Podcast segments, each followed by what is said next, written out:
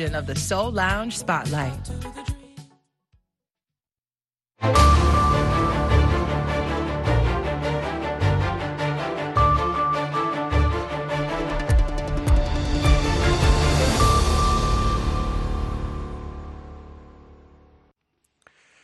Halkani waa washington laanta af soomaaliga ee v o a aad si toosa uga dhagaysanaysaan muujadaha gaagaaban efemyada geeska afrika iyo caalamkao dhan ood nagala socotaan boggayaga v o a somali com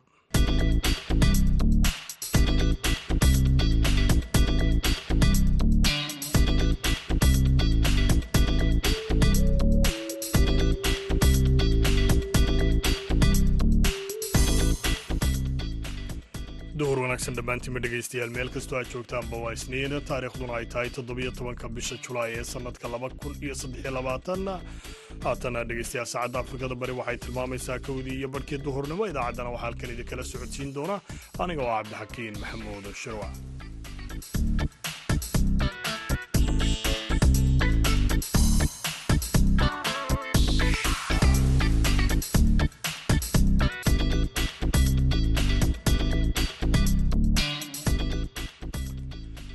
qodobada dhegaystayaal aad ku maqli doontaan idaacadda duhurnimo ee barnaamijka dhallinyarada. Maantana waxaa ka mid ah gabdho dhallinyaro ah oo bartay xirfadda cilad bixinta korontada amaba laydhka oo shahaadooyin lagu guddoonsiiyey magaalada boorama. Waxaan ogaaday inuu baahiyaha oo dhan asaasi u yahay leydhka wax keliyoo looga maarmaa ma jirto. Hadday tahay caafimaadka hadday tahay waxbarashada hadday tahay isgaadhsiinta wax kastoo nolosha ah sidoo kale waxaad maqli doontaan warbixin ku saabsan shaqola'aanta dhallinyarada iyo weliba korarhka dhallinyarada jaamacadaha ka qalin jabinaya iyo qodobo kale ayaad dhegaystayaal ku maqli doontaan. Intaan ku guda jirna idaacadda hase yeeshee marka hore ku soo dhowaada warkii dunida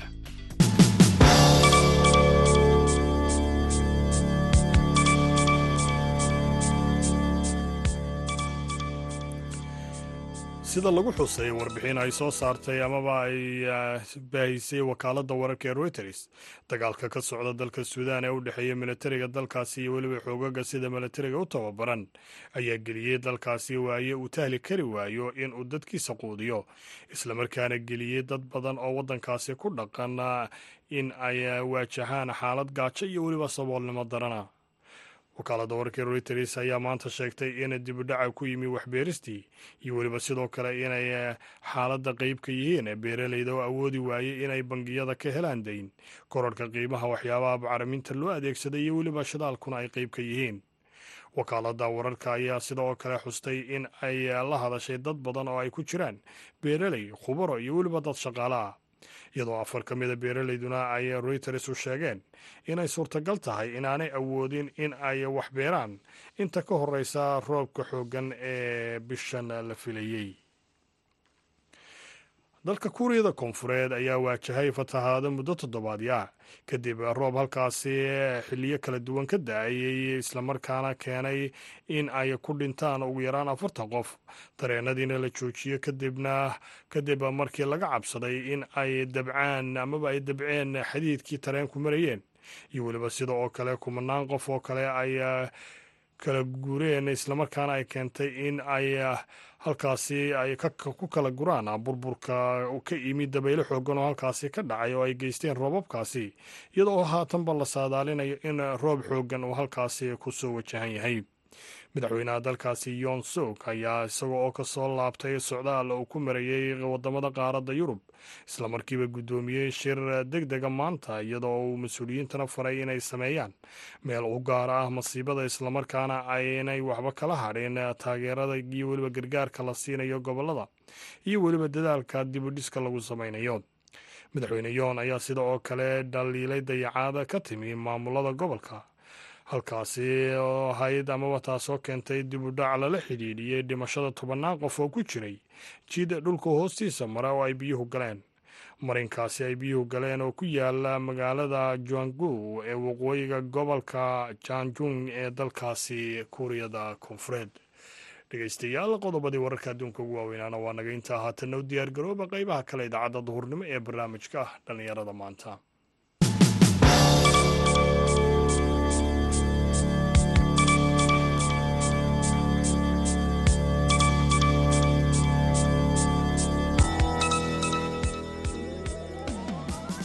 wanaagsan ayaan dhammaantiin mid leeyahay. Dhegaystayaal meel kastoo aad joogtaan baan ku bilownee sannad kasta waxaa jaamacadaha soomaaliya ka qalin jabiya boqolaal arday oo badankoodu aana shaqo helin. Arrintaasi ayaa la sheegay inay dhibaato ku tahay bulshada. Haddaba sidee ay wax u jiraan? Maxaase la gudboon xarumaha waxbarashada dhallinyarada iyo weliba bulshada inteeda kale? Warbixin arrintaasi waxaa ku eegaya warbixintan waryahayaga cabdiqaadir maxamed cabdulle sanad kasta jaamacadaha soomaaliya waxaa ka soo qalin jebiya kumanaan dhallinyaro ah waxayse si dhaqsaa ugu biiraan suuqa shaqola'aanta jaamacaduhu waxay soo saaraan dhallinyaro badan mase loo fiiriyo suuqa shaqada iyo fursadaha yaallo. Haddaba maxay taa sababta keenta dhallinyaradu inaysan ka faa'iidaysan fursadaha iyo awooddooda dhallinyarnimo xilligan cabdiraxiin sheekh cabdulqaadir wuxuu ka mid yahay barayaasha jaamacadaha ku yaalla muqdisho wuxuuna si gaara u shuguhayaa dhallida ka soo baxa jaamacadaha iyo shaqola'aanta dhanka dowladda maadaama yartaa fursadda shaqa abuur ee hay'adaha dowladda soomaaliya.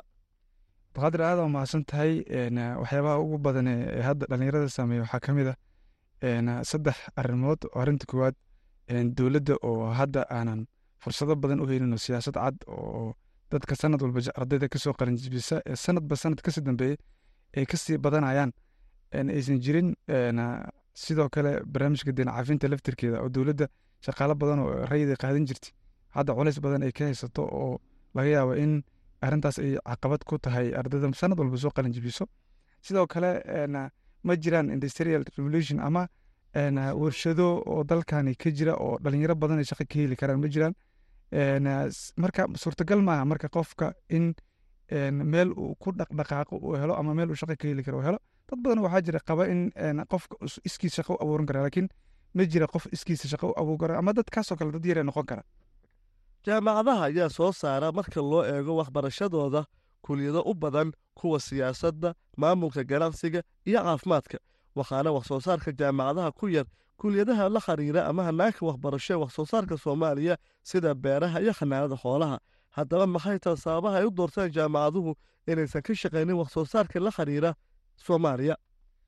Arrintaas dabcan waxay ila tahay ugu dhankaas waxay ka imaanaysaa dhanka tacliinta sare iyo jaamacadaha in ay u bataan waxyaabaha farsamooyinka iyo sidoo kale dhanka beeraha waxa kuliyadahaas dhanka engineering. Marka taas waa caqabada dhanka jaamacadaha iyo dadka tacliinta sare ka shaqeeya inay maaragtay dhankaas loo leexiyo siday dadka ugu bataan waxyaabahan farsamooyinka inay u leexdaan. Waa ognahay sida inta badan ba hadda dhacda ardayda waxay u badan yihiin arda ka baxa waxyaabaha managementiga caafimaadka taasna markii la tago goobaha shaqada caqabado badan ay maaragtay ay instituushinada ama hay'adahan kala kulmaan. Dadka markaas kuliyadaha ka soo baxan ay kala kulmaan. Marka arrintaas aan laftarkii aada u soo dhoweyn lahaa in jaamacadaha iyo dadka tacliinta sare ka shaqeeya ay dhankaas kuliyadahaas u bataan si fursad yaradii shaqada markaas ka jirta u badato oo maarata shaqalaantiina u yaraato. Dad xoogaala waxay ii sheegeen sannadihii ugu dambeeyey in xoogaha jaamacaduhu ay hadda u wareegeen dhanka wax soo saarka soomaaliya laguna soo biiriye kuliyadaha beeraha xanaanada xoolaha iyo kalluumaysiga waana fursad wanaagsan oo hadda heli karaan dhallinyaro badan oo leh wax soo saar hal abuur oo la xiriira kuliyadahaasi waxaan ka warqaba hadda sannadkii hore la soo dhaafay arday badan oo sidaasoo kale kuliyadda beeraha wax ka bartay inay abuureen beerooyin ama meelo markaas isdhihi karaan shaqaad ka heli kartaan ama iskiina wax u saaran kartaan marka fursado fiican ayay u ahayd markii ay jaamacadaha ku soo kordhiyeen kuliyadahaas in laga bilaabo ardaydana maarata ay wax ku maarata ka bartaan.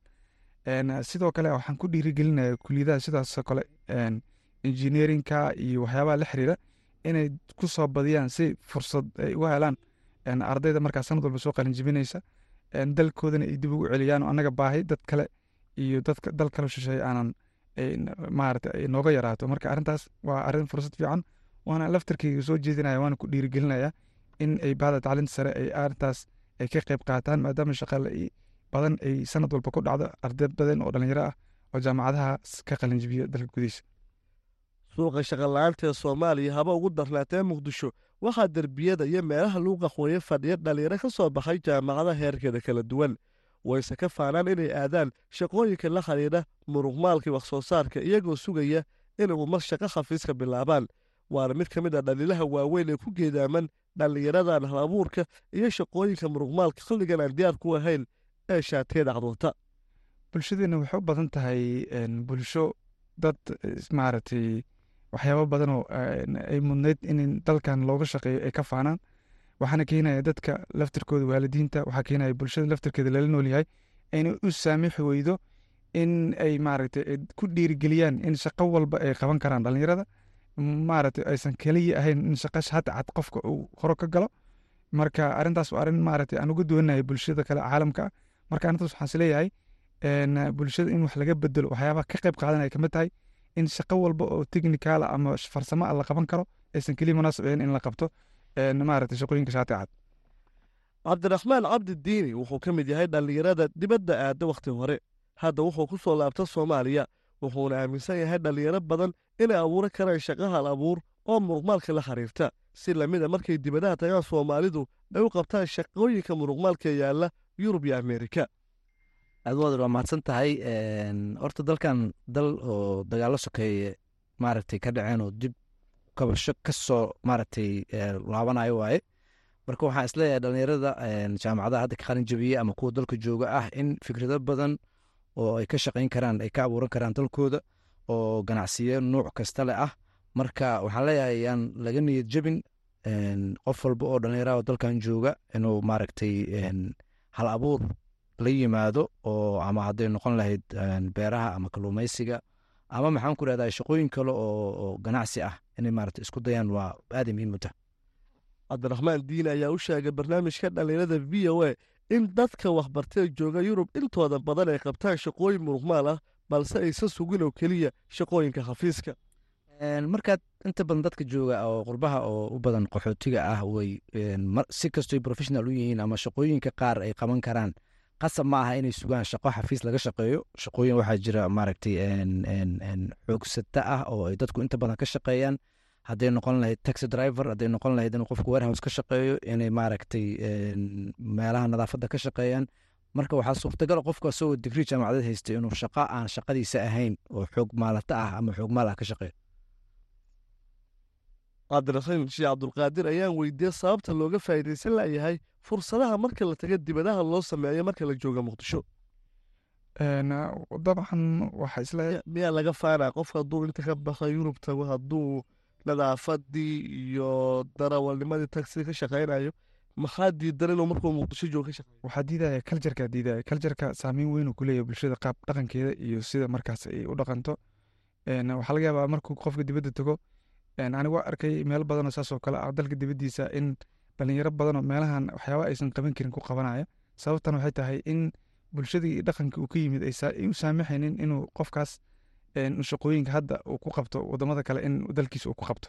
Marka way ka faanayaan. Waa ka faanaya cabdulqaadir okey barnaamijka dhallinyarada v o a. Muqdisho. Wagaag dhegeystayaal sheekooyin kaloo arrimaha dhallinyarada la xidhiidha way noo soo socdaane. Haatan hase yeeshee aynu ku wada nasanno dhinacii kaalmaha heesaha wule aniga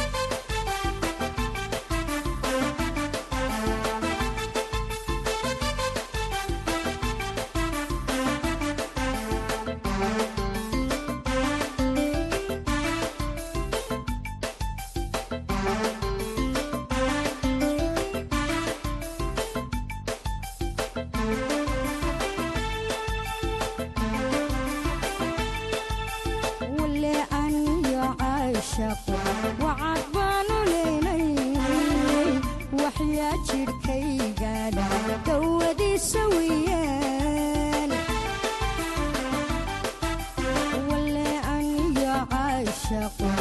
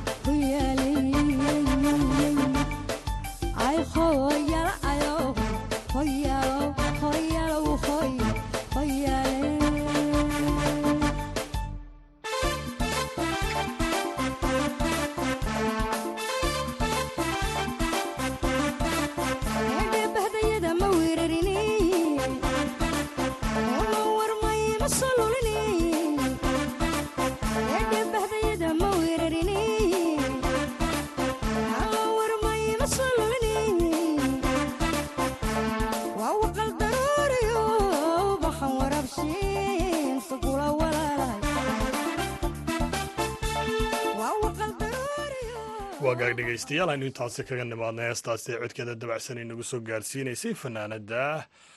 Zaynab cige maxamed islamarkaana aynu hore ugu soconno barnaamijkeena dhallinyarada maanta oo aynu u kacno dhinaca iyo magaalada bowramaan xirfadda korontada oo inta badan soomaalida marka loo eego ay bartaan raggu ayaa muddooyinkii dambe waxaa isa soo tarayay gabdhaha baranaya amaba xirfadaasi yeelanaya.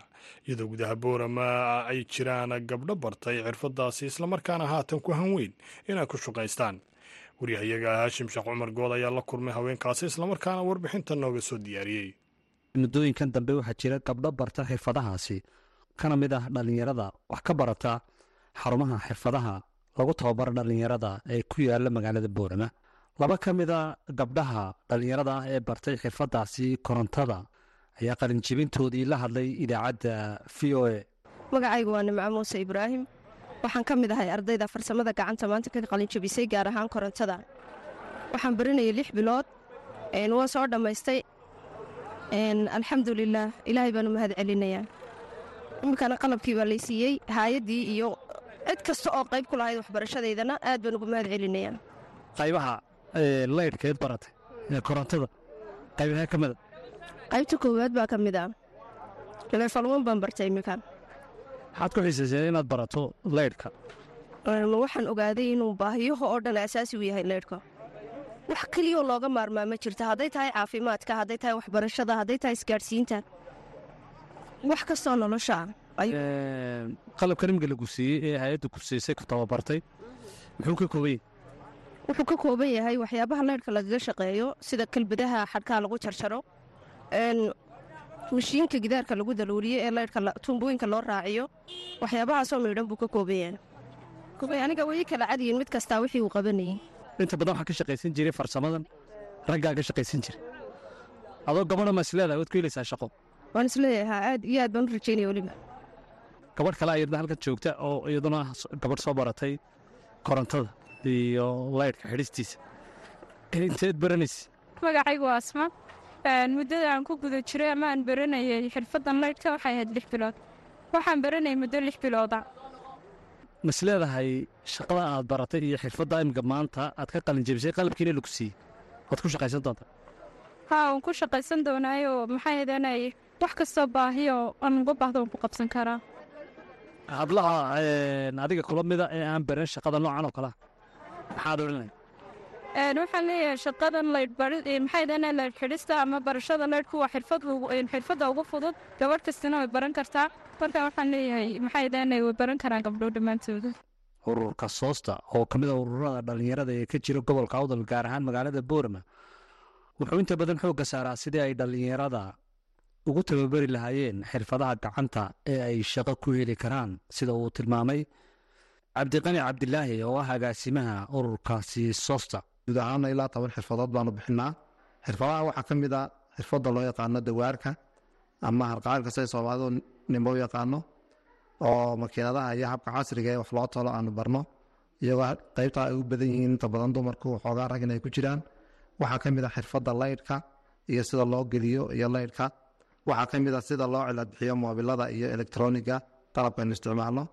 Waxaa ka mid a sida soolarta iyo loo rakibo iyo sida loogu bedelo markaa dabkeega loo isticmaali karo oo hadda ay difaacdi ku jirto waxaa ka mid a qurxinta wejiga dumarka iyo xinaha waxaa ka mid a cunto karinta iyo macmacaanka waxaa ka mid a videographic designka iyo computer skillska oo ardaygu halkaasi uu waxna duubi karo ula design garayn karo computerka uu wax daabici karo. Waxaa ka mid a biyogelinta.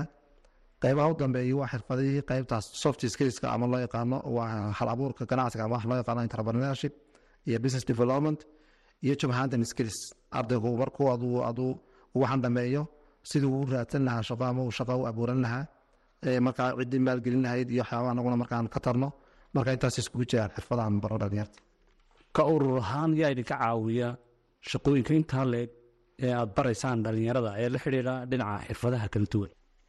Aad baad mahadsan tahay haashim hadda ciddaan wada shaqaynta leenahay haddaan xuso ee naga caawiya dhalinyarta inaan xirfadaha ama soo saarno waxaa kow ka ah hay'adda concern worldwide oo iyadu mashaariic kala duwan aan ka wada shaqayno dhinaca dhalinyartana aada nooga caawisay. Waxaa ka mid ah aanu iyada partner nahay waxaa kaloo ka mid ah safety children waxaa ka mid ah hay'adda source children village waxaa ka mid ah hay'adda oxfam waxaa ka mid ah hay'adda i o m. Intaasba waxay yihiin kuwa naga caawiya xagga dhalinyarta barashada xirfadaha gacanta ayaa kuwa dhalinyarada u fududaydin kara sidii ay shaqo u heli lahaayeen islamarkaasina ugu shaqaysan lahaayeen xirfadaha gacanta ay barteen. Inkastoo dugsiyada barashada xirfaduhu aanay ka jirin dalka guud ahaan laakiin ay jiraan goobo ay tababaro lix bilooda ay ku qaataan. Inta badan ay gacanta ku hayaan ururada maxalliga ah.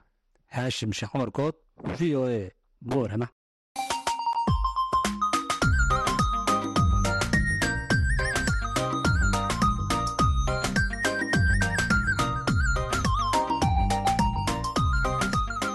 bandhiga v o a. Barnaamijka bandhiga v o a waa barnaamij idinku tala gashay laanta af soomaaliga ee v o a.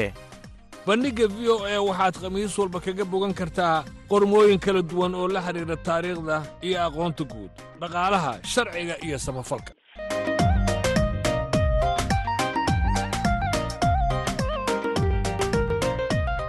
Haddii aad rabto inaad wax ka ogaato taariikhda dunida iyo aqoonta guud ha moogaan bandhigga v o a. Bandhiga v o e kala soco laanta af soomaaliga ee v o e maalin kasta oo khamiis ah